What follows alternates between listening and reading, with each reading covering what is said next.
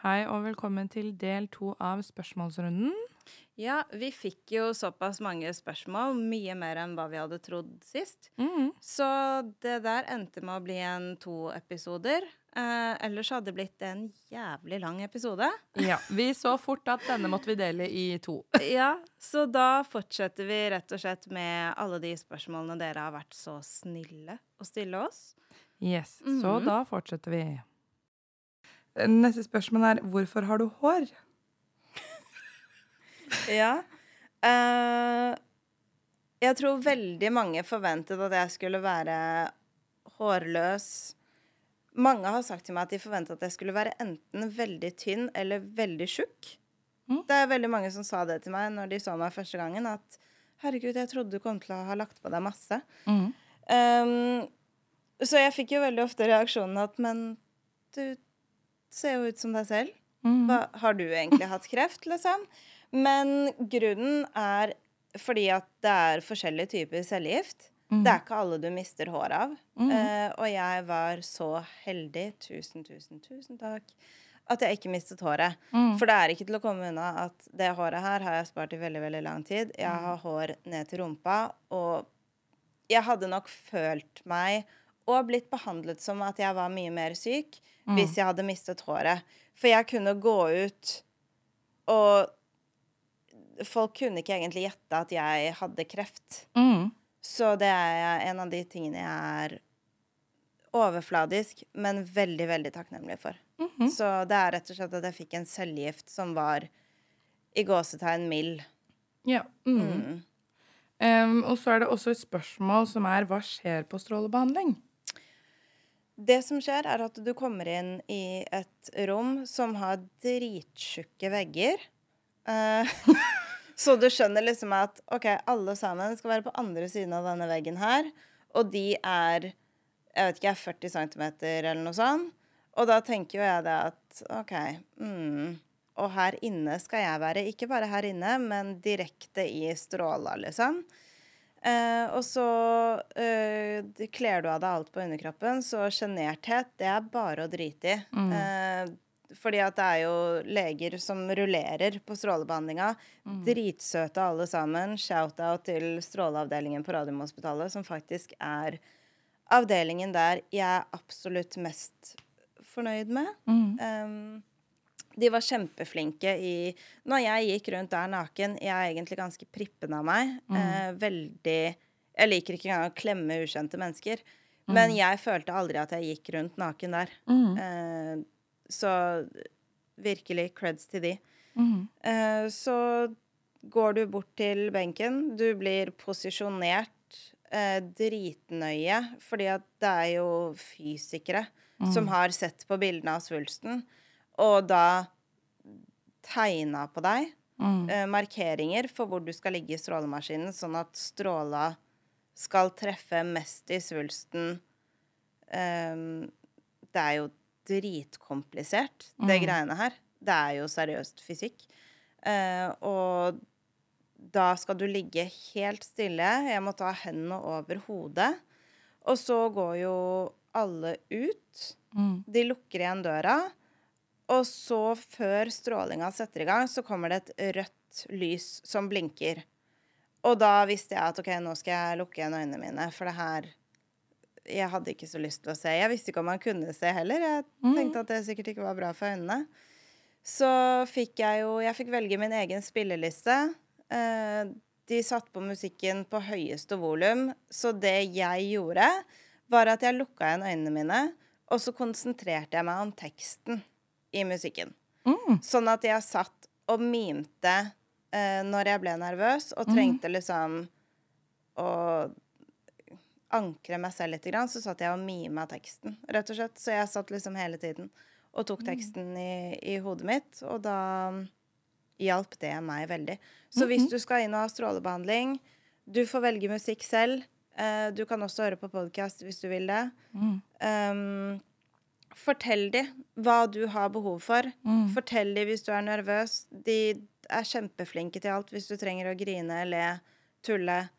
Bare vær tydelig med, med hva du har behov for, for det er viktig. Det er en rar og skummel situasjon. Mm. Så tenk på deg selv. Mm. Uh, uh, vi har et siste spørsmål her. Og det er hva synes du var vanskeligst i prosessen? Eh, ja, jeg skal bare flike inn at det der er ikke siste spørsmål. Det der er spørsmålene vi har fått fra de som snakker engelsk, og de som ikke har Instagram og sånn. Oh, ja! Så det der er bare Vi har ikke kommet til de spørsmålene spørsmålene som er på Instagram. Ok, da skjønner jeg. da skjønner jeg. Uh, og nå glemte jeg hva spørsmålet var. Jeg. Uh, Nei, det er rett og slett hva du synes var vanskeligst i prosessen. Uh, det jeg syns var vanskeligst i prosessen, var følelsen av å ikke eie meg selv.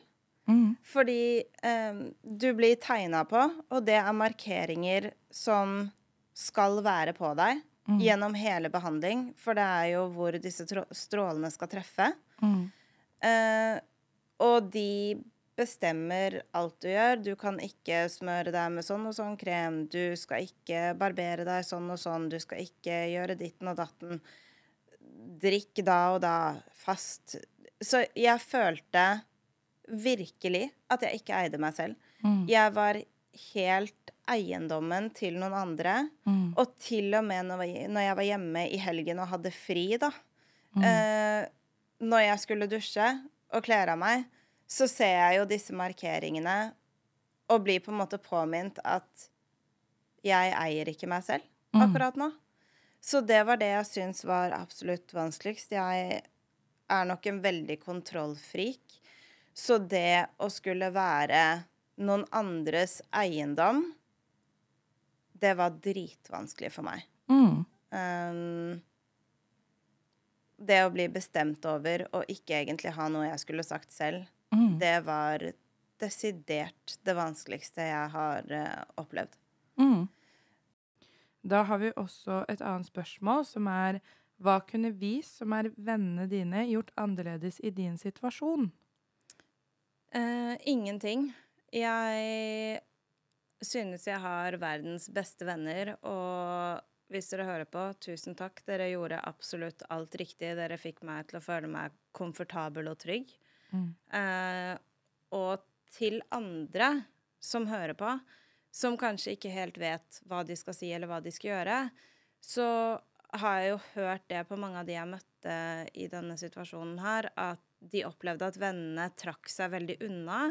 Fordi de visste ikke hva de skulle si, eller hva de kunne gjøre, og alt var liksom bare litt kleint. Og så ja, hun har jo nok å tenke på, så jeg tenker at jeg skal ikke mase på henne, jeg nå. Mm. Og det tror jeg er fort gjort å, å tenke, men det er det dummeste man kan gjøre. Jeg er ekstremt glad for at mine venner ikke gjorde det. Så eh, ikke trekk deg unna. Mm. Hvis du er usikker på noe, så ta heller tak i personen og spør eh, hva er det du trenger fra meg nå, for nå vet ikke jeg, jeg har ikke vært i denne situasjonen før, jeg vet ikke helt hvordan jeg skal oppføre meg, eller hva du trenger. Eh, så vær så snill å fortelle meg det. Mm. Og så er det jo egentlig bare om det å være normal. Jeg satte veldig pris på i min situasjon at vennene mine oppdaterte meg fortsatt på sine ting i hverdagen hvis det hadde skjedd noe kjipt på jobben. Selv om det kanskje føltes litt rart å skulle fortelle det til meg når jeg satt og, og var på Radiumhospitalet, så gjorde de allikevel det. Eh, så jeg fikk jo en normalitetsfølelse ut av det. Så vær normal. Det er ikke alltid man trenger å si så jævla mye. Noen ganger så trenger man egentlig bare å høre. Eh, og spør hvis du er usikker. Men ikke trekk deg unna. Så det er mitt beste tips. Og for å svare på spørsmålet ditt ingenting annerledes. Dere var fantastiske med meg, og dere fikk meg til å føle meg både eh, trygg og sett og hørt. Så takk for det. Mm. Vær så god. um, og da har vi også neste spørsmål, som er hvordan var formen din etter cellegiftbehandling? Uh, formen etter cellegift var veldig rar, fordi at uh, Vi har jo alle hørt litt om cellegift, og det er jo dritskummelt når du sitter der Jeg hadde jo veneflonen i hånda, og så først så får du noe saltløsningsgreier. Eh, og så kommer de jo da og skal bytte posen med cellegift. Og jeg tenkte bare Oh shit, nå skal cellegift, liksom, skal sprøytes inn i årene mine. Det her skjønner jeg altså faen ikke er bra. Eh, men du kjenner ingenting. Det skjønner sikkert alle, at du kjenner ingenting når du går inn i veneflonen. Mm. Um, det eneste jeg egentlig kjente, var at jeg ble litt svimmel og rar. Uh, jeg fikk jo veldig mye kvalmestillende, så kvalme hadde jeg veldig lite av. De gangene det kom, så tok jeg bare ekstra kvalmestillende. Mm. Men det jeg kjente veldig i ettertid, var at det kjentes ut som at alle cellene mine vibrerte. At alle cellene mine dirra. Og det var vel egentlig det eneste jeg kjente. Og så klart, du ligger jo i senga. Altså, du er ikke ute og løper eh, senere på kvelden. Det er Nei. du ikke. Men ikke noe smerter eller Mm. Ikke så ille som jeg trodde det skulle være. Mm.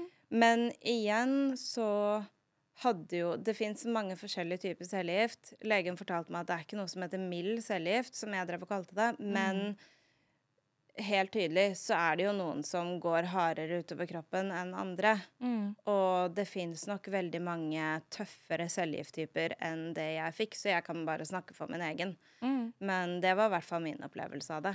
Ja. Har kreften påvirket din identitetsfølelse? Vet du hva, det der så jeg i går, og jeg syns bare det var et så sykt bra spørsmål. Ehm, det gjorde liksom at jeg måtte reflektere litt. Grann. Mm. Men nei, ikke egentlig. Det har forankra den enda mer. Um, men det har gjort meg mer egoistisk. Og egoistisk sier jeg med stolthet. Jeg mener bestemt at alle sammen bør bli mer ego. Fordi de sier jo på flyet Det her er det en uh, venninne av meg som veldig ofte sier til meg Kjære Katarina, som er veldig smart. Eh, pleier å si til meg det at på flyet så sier de alltid ta på deg oksygenmaska først, før du hjelper noen andre. Mm. Eh, og at man må ha skittet sitt på plass selv først for å være noe som helst for noen andre. Mm. Og det er det jeg mener med det å være ego også. Så jeg syns det er dritbra å være ego. Jeg tror alle kan være litt mer ego. Um, Og det gjorde meg mer ego, dette her med å ha kreft. Og bortsett fra det så ga det meg også dette perspektivet om Jeg måtte liksom sitte og se på livet mitt og tenke er det noe jeg angrer på? Er det noe jeg ville gjort annerledes? Og så skjønte jeg det at nei, vet du hva, jeg er egentlig jævlig fornøyd. Mm. Jeg er egentlig jævlig fornøyd med alt. Så det forankret liksom og sementerte enda mer den identitetsfølelsen jeg allerede hadde. Mm. Og ga meg en liten sånn bonus med det å bli mer ego og flink på å sette grensene mine. Um, men det fucka nok litt med identitetsfølelsen min der og da. Mm. Fordi jeg hadde ikke kontrollen, og jeg eide ikke meg selv. Og det var jo det som var det vanskeligste i behandlingen. Mm. Men i ettertid, nei. Skal vi se. Og så har vi også fått et spørsmål som er hva er det viktigste man kan gjøre for å forebygge kreft? Det er å sjekke seg. Mm. Eh, og så selvfølgelig har man jo disse tingene som å spise sunt, ikke røyk, ikke snus, ikke drikk mye alkohol. Mm. Eh, beveg deg, tren, ta vare på deg selv. Jeg mener jo at stress er en stor risiko for oss alle sammen. Derfor er jo jeg glad i mindfulness. eh, prate med deg selv, meditere, gjøre alle disse tingene her. Så dette er jo ting vi alle har hørt om, men i utgangspunktet så har du en krefttype i familien, begynn å sjekke deg. Hvis du har tarmkreft i familien, begynn å ta kolioskopi. Yes. Eh, har du Altså, ta celleprøvene dine. Nå er de jo endelig bedre her i Norge. Mm. Eh, ja, sjekk deg. Det er vel det viktigste. Mm. Absolutt. Mm. Um, og så er det også et oppfølgingsspørsmål på det, som er hvordan sjekker man seg for kreft? Er det en enkel test eller flere tester for hver enkelt krefttype? Det er uh, forskjellige tester. Så, Sånn som livmorhalskreft, så er det jo da celleprøven. Um, og med tarmkreft så er det jo kolioskopi, vet jeg. Eh, og andre krefttyper, der kan ikke jeg uttale meg, jeg vet ikke. Eh, men det er forskjellige tester for forskjellige krefttyper. Ja. Mm. Det Så mitt råd, finn ut hva er det som er i familien din. mm. Eh, og snakk med legen. Når bør jeg begynne å sjekke meg for disse tingene? Mm. Ja. Det, og det er sånn som Pernille sier, det er veldig mange forskjellige tester fordi det er så mange forskjellige typer. Mm. Eh, Så det er dessverre ikke én universal test da, for alle. Nei, og så er det jo noe med det også at man kan jo bli redd for absolutt alt. Jeg nå kan jo begynne å eh, tenke ut at nå har jeg sikkert alle typer kreft, og begynne å sjekke meg for det, og sjekke meg altfor ofte. Og jeg tror man må også prøve å liksom puste og finne litt en ro, fordi du kan ikke kontrollere alt, og i bunn og grunn gjør det riktig, men gjør det fornuftig. Ikke gå helt opp i en sykdomsfølelse og begynne å løpe ned døra hos legen og sjekke deg for alt mulig rart, fordi hvor blir livskvaliteten din egentlig av da? Eh, så vær fornuftig i dette. Mm. Da er neste spørsmål hva var det vondeste psykisk? Det vondeste psykisk, det var eh, å ikke eie meg selv. Fordi når du skal ha strålebehandling, så er det jo en gjeng med fysikere som ser på PET-scan og CT-scan-tegningene dine. Mm. Og ut ifra det så skal de beregne liksom skytebanen som strålen skal ta. Mm. Eh, så for at alt skal være helt, helt korrekt, og at du skal skade, skade minst mulig frisk vev, Mm. så blir det jo tegnet eh, med markeringer på kroppen. Mm. Og det som er da, er jo at Én ting er det fysiske på Radiumhospitalet, hvor de bestemmer hva jeg skal gjøre, når jeg kan spise, alle tingene jeg skal igjennom. Mm. Eh, på strålebehandlingen hvor man er naken, liksom. Mm. Eh, så du føler deg skikkelig som et produkt bare av de tingene alene. Men når du da kommer hjem i helgen og skal egentlig ha fri, så er jo poenget med disse markeringene er at de skal være der hele perioden. Mm. Eh, så med en gang du skal i dusjen eller skifte klær, så ser du deg selv i speilet med fullt av tusjtegninger på, og blir på en måte påminnet at du ikke eier deg selv. Mm. Du bestemmer ikke over deg selv. Det er noen andre som bestemmer nesten alt. Eh, når folk forteller om hvordan det er å være i fengsel, og de sier at noen bestemmer når du skal spise, gå på do, gå ut og lufte deg, så har jeg liksom tenkt at ja, det er litt sånn jeg følte da jeg hadde kreft. Fordi de bestemte over meg. Selvfølgelig fordi de vet mitt beste, Mm. men allikevel, den følelsen for meg, som er en kontrollfrik, at de skal fortelle meg alt jeg gjør hele tiden, og at jeg skal bare stole på at det de sier, er det som er best, og at de vet 100% hele tiden, det var kjempevanskelig. Så den dagen jeg var helt ferdig og ble liksom rulla ut av radiumen og fikk dra hjem og skrubbe bort eh, Jeg var ikke sånn til å skrubbe bort de markeringene med en gang da, men så fort jeg var eh, i stående igjen, så skrubba jeg og skrubba, og det kjentes jævlig deilig. Ja, det er fullt forståelig. Mm. Og da har vi også fått et spørsmål som er Ble du redd for å ikke kunne få barn? Vet du hva, det rakk jeg aldri å tenke på, for å være ærlig. Eh, fordi ting gikk jo veldig slag i slag. Mm. Og de første tre ukene så satt jeg jo egentlig og reflekterte over livet mitt, først og fremst. Og så satt jeg jo liksom og tenkte at OK, hvilket stadium er jeg i? Eh, hva slags hjelpemidler kan man ta tak i ut ifra hvilket stadium man er? Hvordan kan jeg gjøre det her best mulig? Veldig sånn altså problemløsete, da, ut ifra de forskjellige alternativene. Mm. Um, og så var det jo rett på den, altså det kontrollmøtet, eller infomøtet. Mm.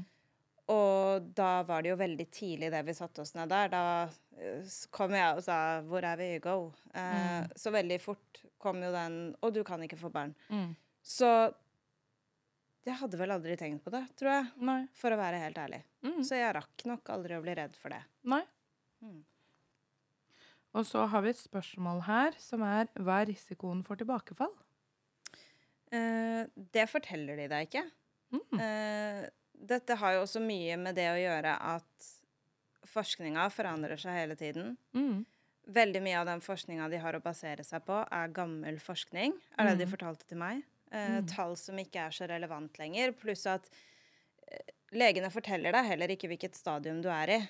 OK. Eh, på kontrolltimen min den første, Mm. når jeg forteller det at Han forteller at jeg var i stadium 1B, Mm.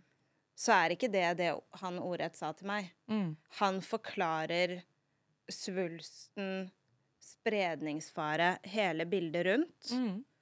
Eh, og det var vel uke tre hvor jeg til slutt sa det at nå, helt ærlig, nå er jeg drittlei at vi går rundt grøten. Mm. Hva er stadiumet mitt? Mm. Um, og det var først da de ga meg det ordentlige stadiumet.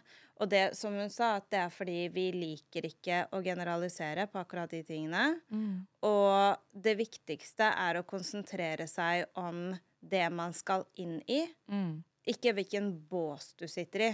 Mm. Um, noe jeg for så vidt er veldig enig i. Så det er ingen som forteller Eller nå kan jeg bare snakke for meg selv igjen. Men eh, de forteller deg ikke hvilket stadium er i, du er i. De forteller deg ikke prosentsjansen din for tilbakefall. Mm. Det eneste de har fortalt til meg, er at i løpet av de to første årene Mm. er det større sannsynlighet for tilbakefall, og så minsker den utover de tre neste årene. Okay. Og at etter fem år så er den såpass flata ut at Mm. jeg har like stor sannsynlighet for å få kreft som deg. Ja. Men akkurat nå har jeg mer sannsynlighet for å få kreft enn det du har. Okay. Mm. Men de nevner ikke altså tall. Det gjør de ikke. Nei. Nei, Nei. OK. Skjønner. Så, og nå kan jo jeg igjen bare snakke for min opplevelse og min krefttype. Jeg aner Mm. ikke hvordan det er for andre, faktisk. Nei. Nei, det er jo litt vanskelig å estimere på en måte, fordi det, det er jo dette du har erfaring med. Det er feil å si, men Mm. det er jo dette du har hatt, på en måte. Um, og da kommer vi til et spørsmål som henger litt sammen med det her, Mm. som er hva er risikoen for å få andre krefttyper? Eh, samme svar. Ja. Altså, det Jeg vet at jeg har litt høyere risiko nå for å få brystkreft pga. hormontablettene jeg går på. Mm. Men igjen, hva er litt høyere risiko? Mm. Det- Det er akkurat det. Spør du meg, så spør jeg deg. Og så har vi fått et spørsmål her som var hvordan var det å ha sex? Ja, du, det har jeg sett sammen med det med barn. Mm. Er desidert det spørsmålet som er blitt stilt flest ganger, og det kan jeg jo absolutt forstå. Mm. Um, jeg måtte gå noen runder med meg selv hjemme i går når jeg så alle disse spørsmålene, og tenke litt over hvordan jeg skulle gripe fatt akkurat det spørsmålet der. Mm. Um, for jeg er i utgangspunktet egentlig en ganske privat person. Mm. Men jeg landa på at uh, jeg kan si det sånn at det gikk helt fint. Mm. Det er nervøst og litt skummelt. Mm. Um, men det går bra. Eh, det er ikke noe stress. Det er ikke vondt. Det er ikke farlig. Mm. Da har vi også fått et spørsmål her som er Når frykten for at livet kunne være over snart kom, hva angret du mest på med livet? Det var et bra spørsmål.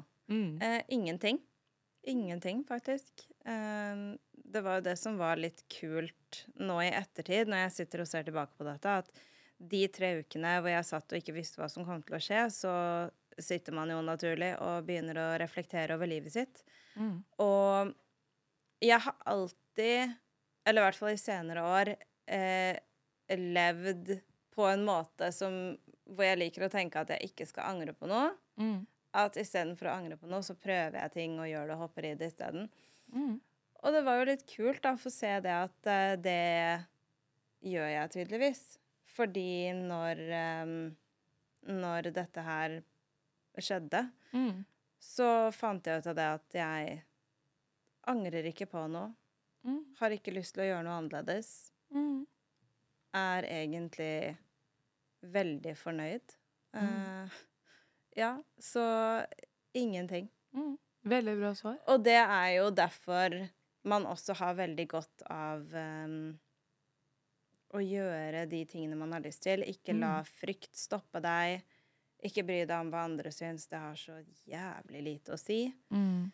Um, jeg begynte jo i stor grad å coache meg selv når jeg var 24. Mm. Um, og jeg ser jo Det er også mye når jeg ser hvor mye jeg har fått ut av det, Mm. som er grunnen til at jeg har lyst til å gjøre det for andre. For jeg ser jo at uh, livet mitt kunne vært fullstendig annerledes, og det er så mange ting man henger seg opp i som bare ikke betyr noe som helst. For eksempel som hva andre syns. Mm. Det er jo fullstendig ubetydelig, Mm. egentlig. Så ja. Mm. Mitt lange svar. Veldig bra svar, da. Takk. Da har vi kommet til de to siste spørsmålene, som er hva var det vondeste fysisk, og hvordan var oppfølgingen fra Radiumhospitalet? Mm. Eh, og grunnen til at du, Albertine, stiller det her, eh, begge de to spørsmålene i én setning, Mm. det er jo fordi at vi har snakka litt om de to spørsmålene. Mm. Um, og jeg har veldig klare svar på det. Eh, svarene mine er kontante og veldig tydelige. Mm. Men de Jeg kommer ikke til å svare på de nå, fordi jeg ønsker Nå er det en veldig sånn to minutter per svar eh, podcast-episode. Mm. Og jeg ønsker å snakke om min opplevelse på radiumen i en helhet i en senere episode. Så vi kommer til å snakke eh, Dedikere egentlig en hel episode til akkurat eh, de Eller begge de spørsmålene faller innunder det. Mm. Eh, så det er svaret mitt Mhm. på akkurat de to tingene. Mm. Og med det så har ikke vi flere spørsmål. Nei. Og det er var- kanskje like greit, for denne episoden er jo lang nok som Ja. den er. Den, eh, den blir nok i litt lengste laget, men vi ville eh, svare på alle spørsmålene vi fikk. Mm. Og lage tid til det, for vi synes det er veldig viktig å besvare alt av spørsmål. For det er jo Mm. mye folk lurer på. Så selv om dette blir en litt lengre episode, da har man litt mer å kose seg med. Ja, og så tenker jeg også det at dette her er nok ikke siste gangen vi gjør dette. Mm. Uh, for nå er vi jo helt i startfasen. Hei, mamma. Det er liksom eh, Det er ikke så mange andre enn de som står oss veldig nære, som hører på dette. Så Mm. uh, jeg tenker at når vi forhåpentligvis får flere lyttere, Mm. så vil det komme nye interessante spørsmål som vi også har lyst til å hjelpe til med. Absolutt. Så det kommer sikkert flere spørsmålsrunder. Mm. Det er viktig å sikte høyt, tenker jeg. Så jeg Absolutt. satser bare på at det skal gå så bra jeg, med denne podkasten at vi skal ha flere spørsmålsrunder. Ja, så det er egentlig bare å starte å tenke på spørsmål med en gang til vi legger ut en Q&A neste gang. Ja, Så dere har alt klart. Ja. Så får dere fortsatt ha en strålende dag videre. ja, den er ikke så strålende. Det blåser og er litt dårlig vær, men jeg ønsker dere en flott dag videre. Og så må dere huske å gå inn på Spotify og stjernelike oss. Gå inn på Instagram og følge oss. Og ja, spre ordet rundt. Og så får dere fortsatt ha en super søndag.